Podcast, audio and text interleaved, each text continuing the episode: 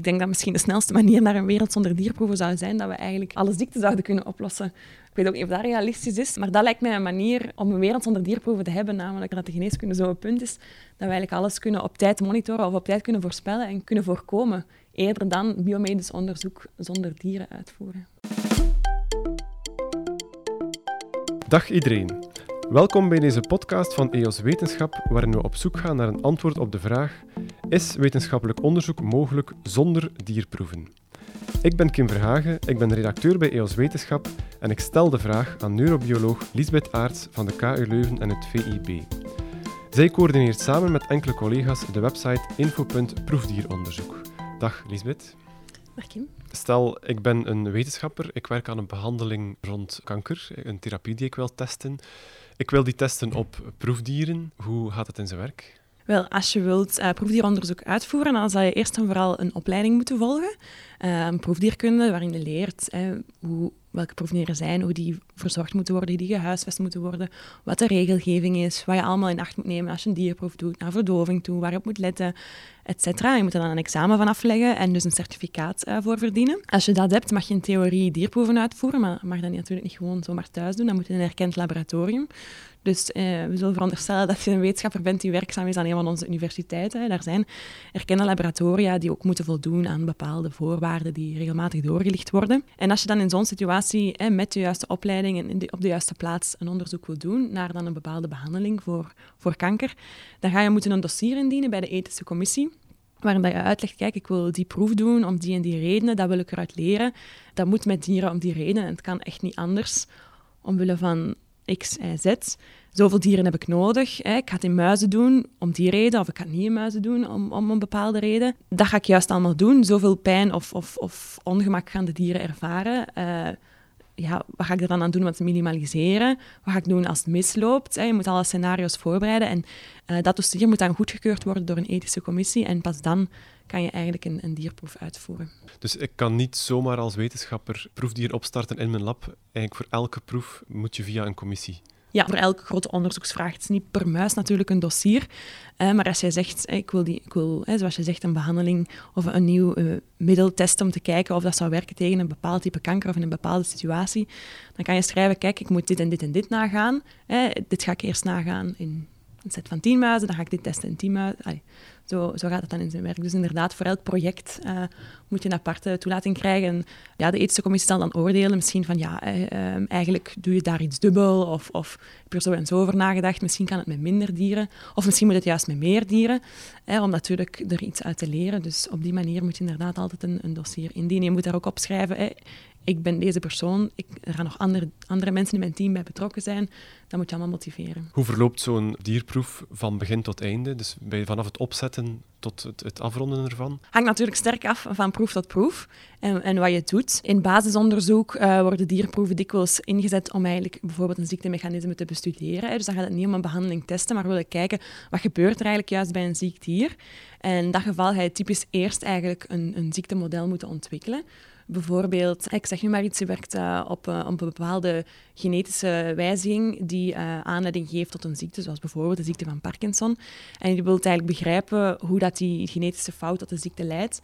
Dan kan je bijvoorbeeld een proefdiermodel aanmaken. Dat kan een muis zijn, maar dat kan ook een fruitvlieg zijn, waarin je diezelfde genetische fout gaat aanbrengen. En dan ga je eigenlijk dieren observeren. En afhankelijk van de context, als dus bijvoorbeeld de ziekte van Parkinson is, dat is een hersenziekte, dan ga je willen kijken wat er in de hersenen misloopt. Het is een ziekte ook waarbij dat er beweging wordt. Hè. Mensen die leven met de ziekte van Parkinson, die, die beven en die kunnen ook niet goed bewegen.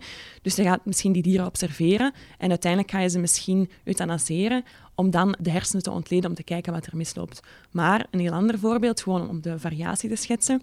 Als je wil kijken naar een behandeling hè, van de ziekte van Alzheimer, ik geef voorbeeld omdat dat mijn achtergrond is natuurlijk als je denkt een bepaalde stof is betrokken bij dat ziekteproces en als ik die stof ga verhogen of verlagen, dan denk ik dat dat gaat helpen om het ziekteproces te vertragen. Dan kan je bijvoorbeeld uh, muizen inzetten om hun geheugen te testen. En dan laat je ze, dan laat je ze geheugentest uitvoeren voor en na dat je ze, die stof hebt verhoogd of verlaagd. En dan kan je testen of het geheugen beter is. En dan, dan hoef je misschien de muis niet per se dood te doen. En dan gaat die test misschien veel maanden duren, omdat je wil kijken hoe lang de muis het zich herinnert. Of ga je ze moeten trainen. Uh, en is het een heel andere situatie. Ja. Misschien eens terzijde, een geheugentest voor een muis. Hoe, hoe kan ik me daarbij voorstellen? Hoe testen we dat? Uh, want inderdaad, we kunnen niet vragen wat hebben jullie gisteren gegeten. Een typische geheugentest bij muizen is uh, de Morris Water Maze, heet dat in het Engels, naar de, de uitvinder. En daarbij laat je muizen eigenlijk zwemmen in een soort van melkbad. dus ondoorzichtig, melkig water. En muizen die zwemmen niet zo heel graag. En er zit in dat, in dat bad een platformpje, juist onder het oppervlak, dus ze kunnen dat niet zien zitten, maar daar kunnen zij op uitrusten kunnen ze eigenlijk staan, hè, gewoon met hun pootjes in, in, in dat water. En dus um, als je de muis daarin zet, gaan die rondzwemmen, hè, gewoon op goed geluk. Maar als ze dat platform vinden, gaan ze daar meestal blijven en even uitrusten na al dat zwemmen. En dus wat we doen om het geheugen te testen, is om in datzelfde bad, hè, we zetten daar bijvoorbeeld aan de ene kant van het bad, hangen we een fotootje of een kleurtje. En dat platform is altijd op dezelfde plek. En dan ga je zien dat muizen, als je die elke dag, een week lang, elke dag in datzelfde bad zet, dat die de derde of de vierde keer gewoon rechtstreeks naar dat platform gaan zwemmen, omdat ze nog weten waar dat is. En dan kan je kijken, weet ze het een week later nog, weet ze het weken, allez, drie weken of vier weken later nog. En zo kan je een geheugen testen. Nog een bijkomende vraag rond, rond het opzetten van mijn denkbeeldig uh, proefdieronderzoek. Waarom zou ik het testen op dieren? Dat is inderdaad een heel belangrijke vraag. Hè, want liefst van al zouden we allemaal zonder, zonder dierproeven werken. Er is niemand die dat voor zijn plezier al zeker niet doet. En ook niet wat gemakkelijker is of zo. Maar het blijft wel essentieel. Waarom? Omdat uh, heel veel van die vragen hè, zijn redelijk complex en moeten we dus in een levend organisme bekijken. En proefdieren zijn voor onderzoekers slechts één aspect hè, van een heel facet aan mogelijke experimenten. We werken ook heel veel hè, in basisbiomedisch onderzoek met bijvoorbeeld cellijnen. En dat zijn ook hè, levende cellen eigenlijk, die we kweken in een petrischaaltje. En waar we van alles op kunnen gaan testen. Als je kijkt naar DNA of eiwitten, die zitten in al onze cellen. En je kan ook menselijke cellen gewoon kweken. En dat is ja, veel eenvoudiger. Hè. Je, hebt er, je kan die makkelijk vermenigvuldigen. Je moet daar geen dier voor dood doen. Dus als je eigenlijk op subcellulair niveau kijkt, dan ga je altijd uh, met cellen werken. Maar natuurlijk, een organisme is veel complexer. Hè. Het is niet omdat je bijvoorbeeld zenuwcellen groeit in, in een, op een petrischaal, dan kan je leren, oké, dat eiwit gaat omhoog, gaat omlaag, hè, of wat is er met dat gen gebeurd. Maar als je wil kijken hoe dat effect heeft op geheugen bijvoorbeeld, hè, ik heb juist uh, verteld hoe dat je geheugen kan testen bij een, bij een muis in een zwembad, maar natuurlijk, aan cellen in een, in een petrischaaltje kun je nu niks zeggen over het geheugen. Of bijvoorbeeld het immuunsysteem, dat is ook iets heel complex. Dus vanaf dat je eigenlijk naar, naar, naar hoe dat een orgaan of, of een andere functie functioneert in een levend lichaam, dan, dan, ja, dan moet je eigenlijk naar een organisme kijken. En, en de vraag is dan natuurlijk, ja, waarom testen we dan niet direct op de mens? Want al die vragen gaan uiteindelijk ook over de mens. Als we die ziekte willen, willen genezen, in de meeste gevallen gaat het dan over menselijke ziekte. Dus kunnen we dan niet gewoon die dieren overslaan en onmiddellijk in de mens testen? Dat zou natuurlijk ideaal zijn, want het zegt direct iets over wat de situatie in de mens is. Maar dat is natuurlijk niet zo eenvoudig. En om ethische redenen kunnen we niet um, zomaar de hersenen ontleden van iemand. Hè, want dus in die gevallen moet dan meestal het dier uh, wel dood. En dus om die reden blijven dierproeven nog wel noodzakelijk. En in zekere zin is het waar dat we daar een soort van speciesisme uh, doen en, en zeggen van oké, het is niet oké in mensen, maar, maar het is wel oké in dieren. En dat is een ethische discussie, dat is een arbitraire lijn, daar ben ik mee akkoord. Maar ik denk, uh, ja, ik denk dat het tot het nog toe nog altijd wel belangrijk blijft. Hoewel dat we natuurlijk moeten inzetten op maximaal dierenwelzijn en natuurlijk enkel als het niet anders kan dat we toch dan dieren inzetten. En natuurlijk ook de dieren die het minst bewustzijnsniveau hebben. Want ik heb nu gehad over cellen en de mens en dan de dieren daartussen. Maar je hebt natuurlijk dieren en dieren. Bijvoorbeeld proeven met apen, dat ligt heel gevoelig. Apen zijn heel intelligente wezens, lijken heel hard op de mens. Uh, dus die kunnen ook alleen maar in heel uitzonderlijke gevallen, net waar dat die gelijkenis zo essentieel is. En er gebeurt ook heel, heel weinig. Muizen zijn een vaak gebruikt proefdier, omdat ze makkelijk kweken en zo. Maar er wordt ook heel veel ingezet uh, op uh, dierproeven met, met vliegjes of met wormpjes, of zelfs met gist en bacteriën, wat dat ook levende wezens zijn, maar natuurlijk met een veel lager bewustzijnsniveau, om zo toch, toch echt ja, zoveel mogelijk te minimaliseren. Dieren zijn geen mensen, een muis is geen mens, een, een fruitvlieg is zeker geen mens. Hoe betrouwbaar zijn de resultaten met proefdieren dan? Ja, dat klopt. Het is natuurlijk uh, een, een, nadeel hè, dat, dat proefdieren dieren zijn en geen mensen. Uh, hoe betrouwbaar dat ze zijn hangt hangt ook van vele factoren af, hangt er vanaf uh, naar welk aspect dat je kijkt. Dat zijn ook de dingen die je specifiek moet, motiveren in een aanvraag waarom je een bepaalde diersoort gebruikt. Want afhankelijk van de vraag zijn bepaalde diersoorten nuttiger om naar te kijken. Voor bepaalde hartaangelegenheden worden bijvoorbeeld varkens gebruikt, weet ik, juist omdat dat orgaansysteem uh, meer op dat van de mens lijkt. Dan pakken we een schaap of een koe. Hè. Dus uh, we gaan op zoek naar de meeste kans op, op, op vertaalbaarheid, hè, translatie van het dier naar de mens. kan natuurlijk niet altijd. En wordt dikwijls ook aangehaald door tegenstanders die zeggen, ja kijk, hè, uh, een heel deel van de, van, de, van de bijvoorbeeld nieuwe behandelingen die veelbelovend lijken in dieren, die blijken dan uiteindelijk toch niet te kloppen of niet te werken in mensen. Want uiteindelijk moet het ook altijd bij mensen getest worden, nog in een latere fase. En ja, dat is natuurlijk zo dat daar een paar kandidaatbehandelingen zeker sneuvelen. Maar natuurlijk uh, moet je ook kijken naar het omgekeerde plaatje. Er zijn heel veel dingen die we leren die niet werken bij dieren. En daar kunnen we dan ook de, de, de proeven op mensen bij, bij besparen. Dus het is niet zo'n eenduidig beeld. En het is zeker ook, allez, het is niet perfect, maar natuurlijk weet je dat altijd pas achteraf. Dat is nu eenmaal onderzoek, we weten het antwoord niet. Maar in zoverre dat we kennis hebben over welk model het best zou zijn, moeten we dat dus ook uh, motiveren in die aanvragen. Kan je een idee geven van het, het percentage van het aantal dierproeven dat dan leidt tot therapieën bij mensen of, of testen bij mensen? Goh, dat is heel moeilijk te zeggen, omdat, hè, zoals ik al zei, heel veel middelen sneuvelen ook. En afhankelijk van waarom dat ze sneuvelen, kun je dan zeggen hoe nuttig dat het was of, of waar je het dan vroeger zou moeten getest hebben. En natuurlijk ook uh, veel van dat soort onderzoek, echt, echt uh, preklinische testen gebeuren in bedrijven, dus wordt ook niet altijd uh, bekendgemaakt. Dus ik denk, ik kan er moeilijk een schatting over geven. En ik denk dat het moeilijk is zelfs om, om, om daar een cijfer op te plakken, zelfs als je het allemaal zou gaan uitpluizen. Uh, maar het is zeker zo dat, dat het eigenlijk de minderheid is. Hè. Het is, is uh, heel goed gekend dat om een geneesmiddel te maken, hè, om van, van moleculair idee te beginnen en dan eerst proeven in cellen, in dieren, uiteindelijk in mensen, zijn vaak honderdduizenden kandidaatmoleculen uh, om tot één geneesmiddel te komen. Daarom duurt het ook zo lang, hè. meer dan tien jaar vaak.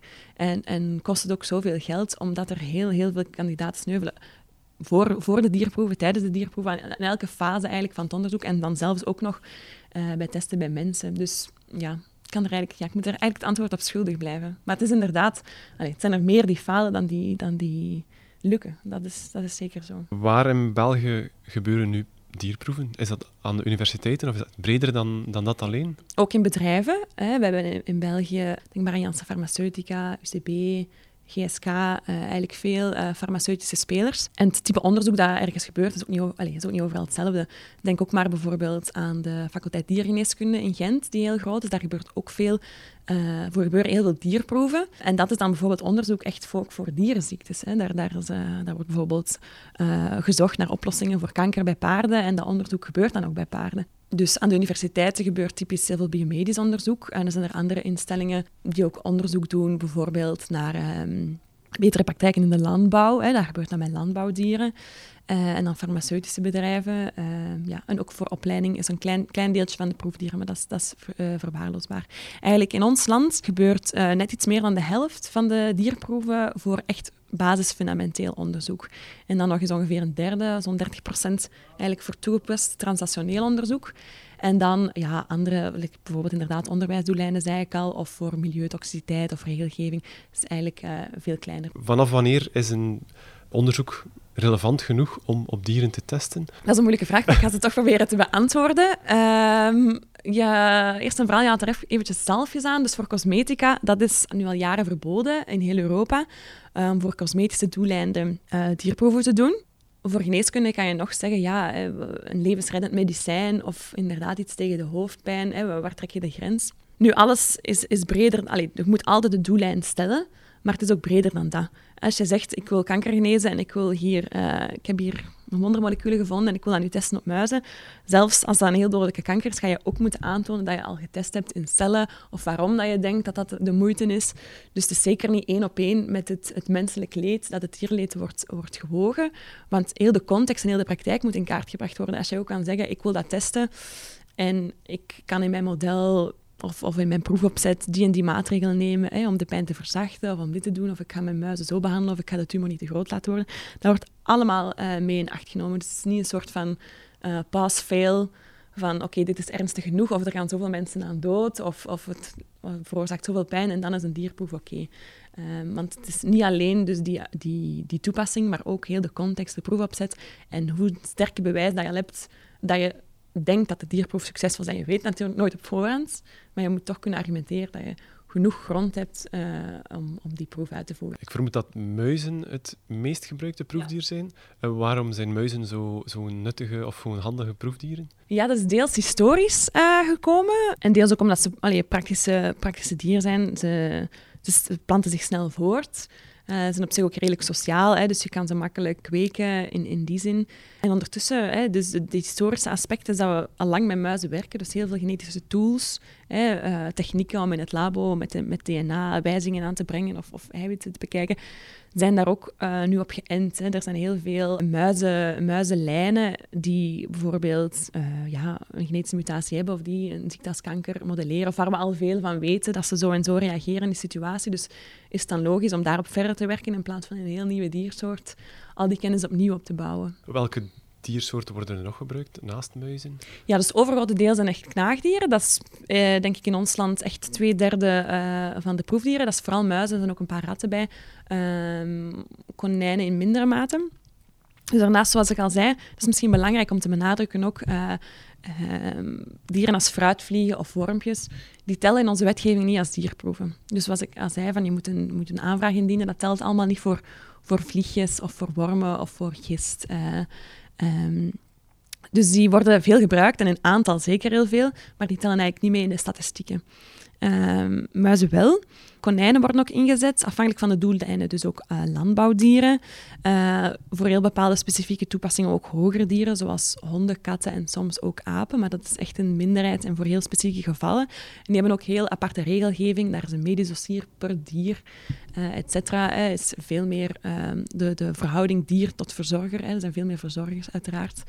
Um, maar andere dieren die ook heel veel ingezet worden in biomedisch onderzoek en die misschien minder gekend zijn bij het brede publiek, zijn bijvoorbeeld vissen.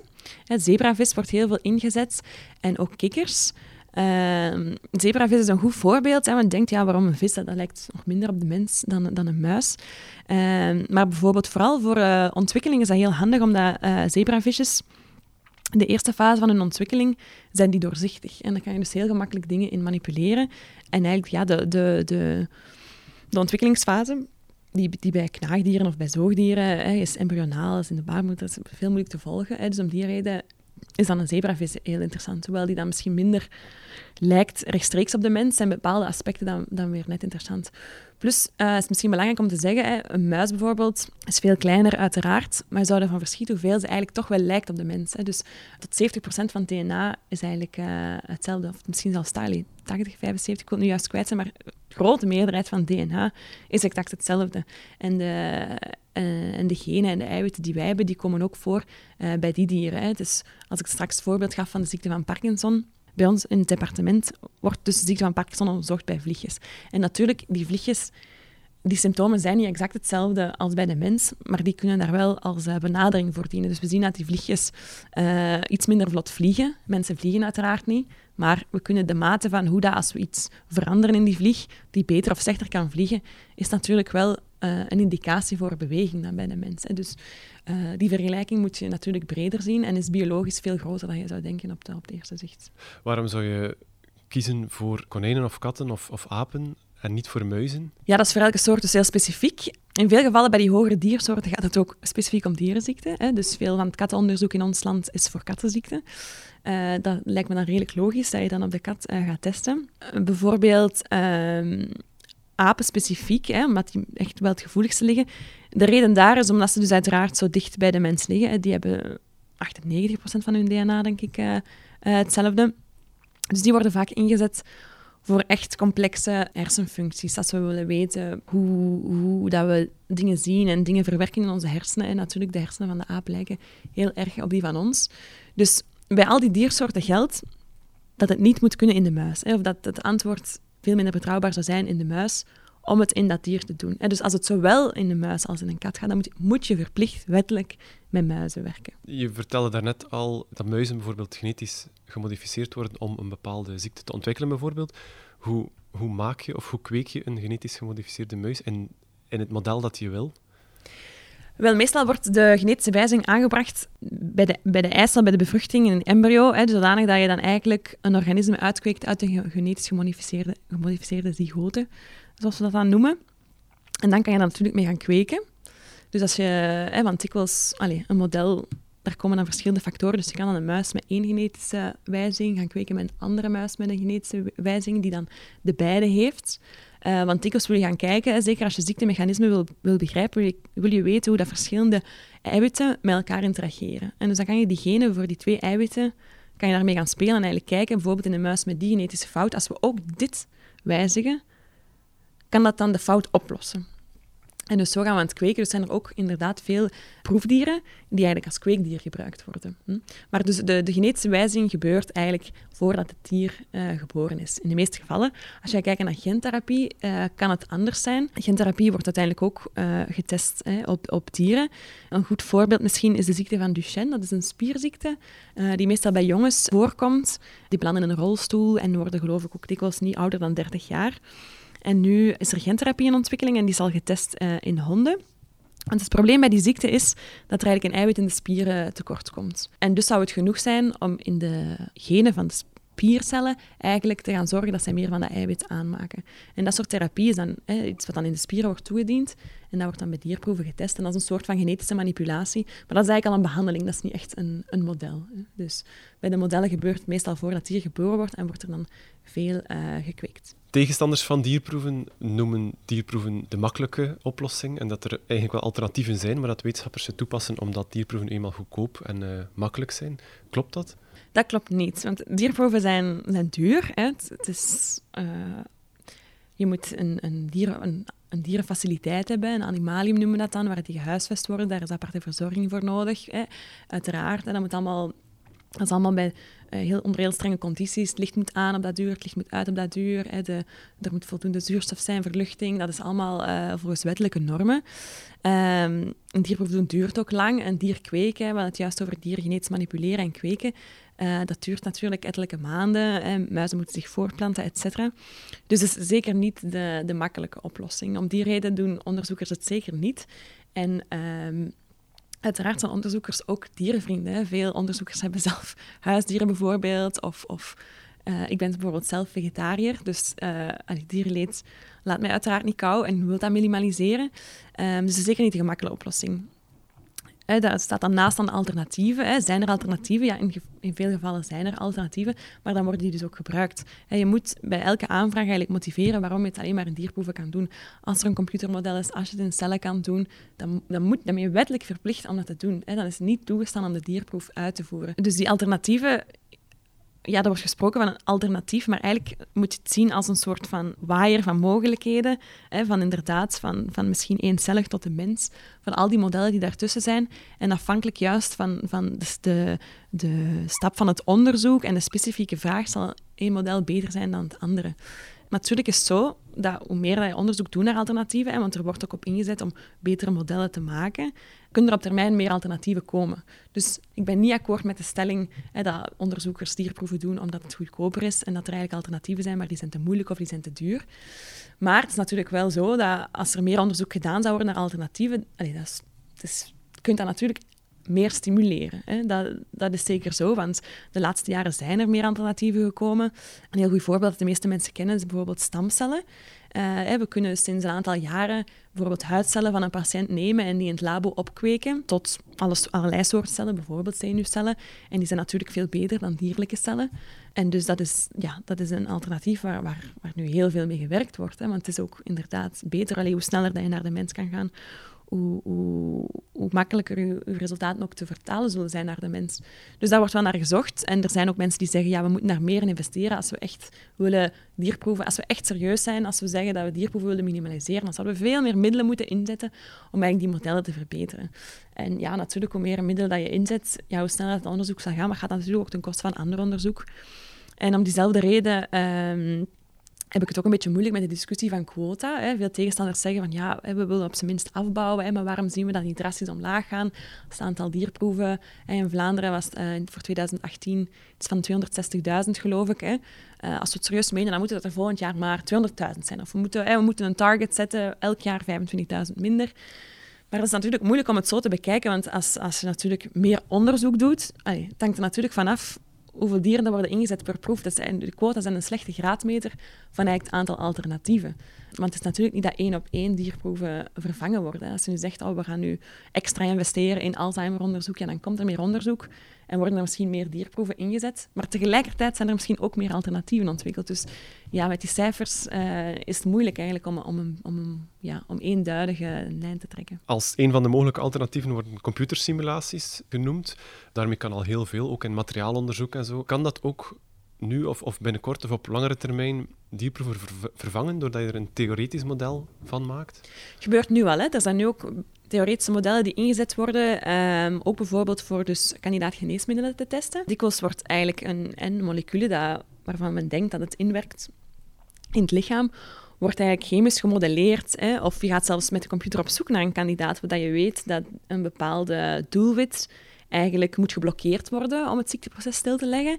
Dan kan je vanuit het niks moleculen gaan ontwikkelen en je kan met de computer simuleren ja, wat voor soort moleculen zou op dat doelwit passen of zou dat blokkeren. En dan kan je zo hè, ja, honderdduizenden kandidaten maken. Die kan je dan daarna in cellen gaan testen, et cetera. Dus wordt zeker al gebruikt en, en vervangt nu al, al dierproeven. De limiet natuurlijk van een simulatie is dat het een simulatie is. Dus je kan alleen maar simuleren wat je al weet. Je kan niet iets artificieel uh, in een systeem testen als je het systeem zelf nog niet helemaal begrijpt. Hè, want dan, dan zou je model ook tekortschieten. Dus in die zin, um, ja, het wordt nu al ingezet en modellen worden ook beter en beter. Maar wat ik zelf denk, zeker in, in het vakgebied waar dat ik in zit, we gaan dat soort modellen nooit volledig kunnen, dierproeven volledig kunnen vervangen, maar die gaan er wel natuurlijk voor zorgen dat we steeds later en later of met minder en minder kandidaten kunnen overgaan tot de dierproef. Want een, een model blijft altijd een model. De definitie van een model is dat het zich baseert op een aantal parameters en in C altijd een beperking is. Denk aan een model voor het weer te voorspellen. Dat kunnen we redelijk goed. We weten wat morgen weer of slecht weer gaat worden. En of het warm gaat worden of niet. Maar ja, we kunnen daar een halve graad afzetten. En dat, is oké, dat is niet erg. Hè, zolang we maar weten of onze jas moeten aan of onze paraplu moeten meepakken. Maar het is altijd een, een, een voorspelling met een bepaalde foutenmarge. Dus zelfs met een heel goed model en zelfs in een ideale wereld waar we al een model hebben, gaat dan toch de dag komen dat je het voor echt moet testen. Dus in die zin denk ik dat dat inderdaad steeds beter zal worden en dat we misschien altijd meer en meer in kunnen vervangen, maar dat, nooit, ja, dat we nooit volledig zonder zullen kunnen. Een ander alternatief dat vaak wordt genoemd zijn organen op een chip ja. uh, of een lab on een chip. Wat kan ik me daar precies bij voorstellen? Wel, bij organ of lab on a chip, uh, wat men gaat doen, is eigenlijk een, een complexere versie van cellen in een, op een, in een petrischaal. Eh, dat je bijvoorbeeld uh, levercellen gaat uitgroeien. Hè. Soms kan dat in 3D of verschillende cellen bij elkaar. Dan krijg je een soort van organ on a chip. En als je dan verschillende organs on a chip op dezelfde chip zet, dan krijg je een, een wat ze noemen body on a chip. Bijvoorbeeld kan je dan een stofje laten door een hoopje levercellen gaan, een hoopje longcellen. En dan kan je zo gaan kijken hè, wat dat, dat doet. Maar natuurlijk, ja, opnieuw, dat is niet het hele organisme. Dat is een goed voorbeeld van, net als de computersimulaties, van een soort van celmodel dat steeds beter en beter wordt. En waarbij je dan niet moet eerst in, in, in levercellen gaan testen en dan in longcellen en dan bij huidcellen, maar dat je in één keer kan gaan kijken en ook zelfs, die staan bij elkaar in verbinding. Dus gesteld, allez, ik zeg nu maar iets heel hypothetisch, dat, uh, dat een stofje uh, wordt afgebroken in de lever en dat daarbij iets vrijkomt dat dan weer schadelijk is voor de longen, dat ga je nooit ontdekken als je, als je natuurlijk met longcellen en levercellen apart werkt, maar doordat die samen zijn en, en dat er een verbinding is hè, die dan de bloedsomloop moet voorstellen, kan je dat soort dingen wel oppikken. Maar natuurlijk is dat geen functionerende long of geen functionerende lever op die chip. Maar het wordt wel altijd steeds uh, beter en beter en kan je zo meer en sneller uh, dingen testen in vitro, zoals we noemen, op een, op een, in een petrischaal of op een chip, uh, dan in dieren. Maar opnieuw, ja, botsen tegen, tegen limieten. We proberen altijd die limieten te verleggen en we worden er altijd beter in, maar blijven modellen en er blijven limieten. Is het einddoel van zo'n chip om een soort artificiële muis te maken? Een namaakproefdier? Ja, ja, zeker. En, en, en zeker slaagt een chip daar ook in. Maar het hangt er opnieuw vanaf uh, wat dat je vraagt. Hè. Want opnieuw, zo'n chip, daar kan je niet mee testen of het geheugen verbeterd is. Hè. Dus dat is wel heel goed om te kijken hoe, dat, hoe dat een stof zich reageert binnen cellen en zo. Maar uh, ja, het zal nooit een, een organisme zijn hè, om bijvoorbeeld ja, het geheugen of, of, of andere denkprocessen of, of beweging. Zo'n chip kan ook niet gaan lopen. Je kan wel kijken, oh, de, de spiercellen zijn gezonder of ongezonder. Maar ja, wat dat dan betekent in de context van het organisme, dat, dat weet je ook niet. Welke inspanningen worden nu nog genomen om het aantal dierproeven te verminderen? Ja, de inspanningen, we hebben het altijd in het onderzoek over de drie V's. Hè, dus dat is verminderen is een heel belangrijke, maar er is ook verfijnen en dus vervangen, wat uiteindelijk uh, leidt tot verminderen. En dus de ontwikkeling van nieuwe techniek is daar zeker één van. Hè, en om meer en meer in menselijke context te gaan kijken. Er zijn specifieke onderzoeksgroepen die daarmee bezig zijn. Vooral naar toxicologie is daar eigenlijk al veel vooruitgang gekomen. Dus toxicologie is om te gaan kijken welke stoffen schadelijk zijn. Hè. Dat kan dan gaan over nieuwe geneesmiddelen waar je eerst moet weten of ze wel veilig zijn voordat je kan testen of ze ook effectief uh, kunnen behandelen of genezen. Maar dat gaat ook over, uh, over andere zaken die toxisch kunnen zijn als je een nieuw product ontwikkelt. Dat dat dan in het, leefmilieu terecht kan komen, dat dat niet toxisch is, ook niet voor dieren bijvoorbeeld in het water. Dus daar, zijn al, al, al, er is al veel vooruitgang geboekt. Uh, in het basisonderzoek is dat minder. En daar uh, denk ik dat verminderen nu vooral ligt in dus die alternatieve modellen die dieren zijn, maar geen proefdieren volgens de wetgeving. Dus er wordt meer en meer uh, bijvoorbeeld met fruitvliegen gewerkt, heel veel technieken worden daar ook op geënt. Maar betere modellen, dat wil ik misschien ook, is misschien een, een interessant voorbeeld, betere modellen betekent niet noodzakelijk altijd minder proefdieren in aantal, maar misschien wel meer gegevens ook uit dezelfde dierproef.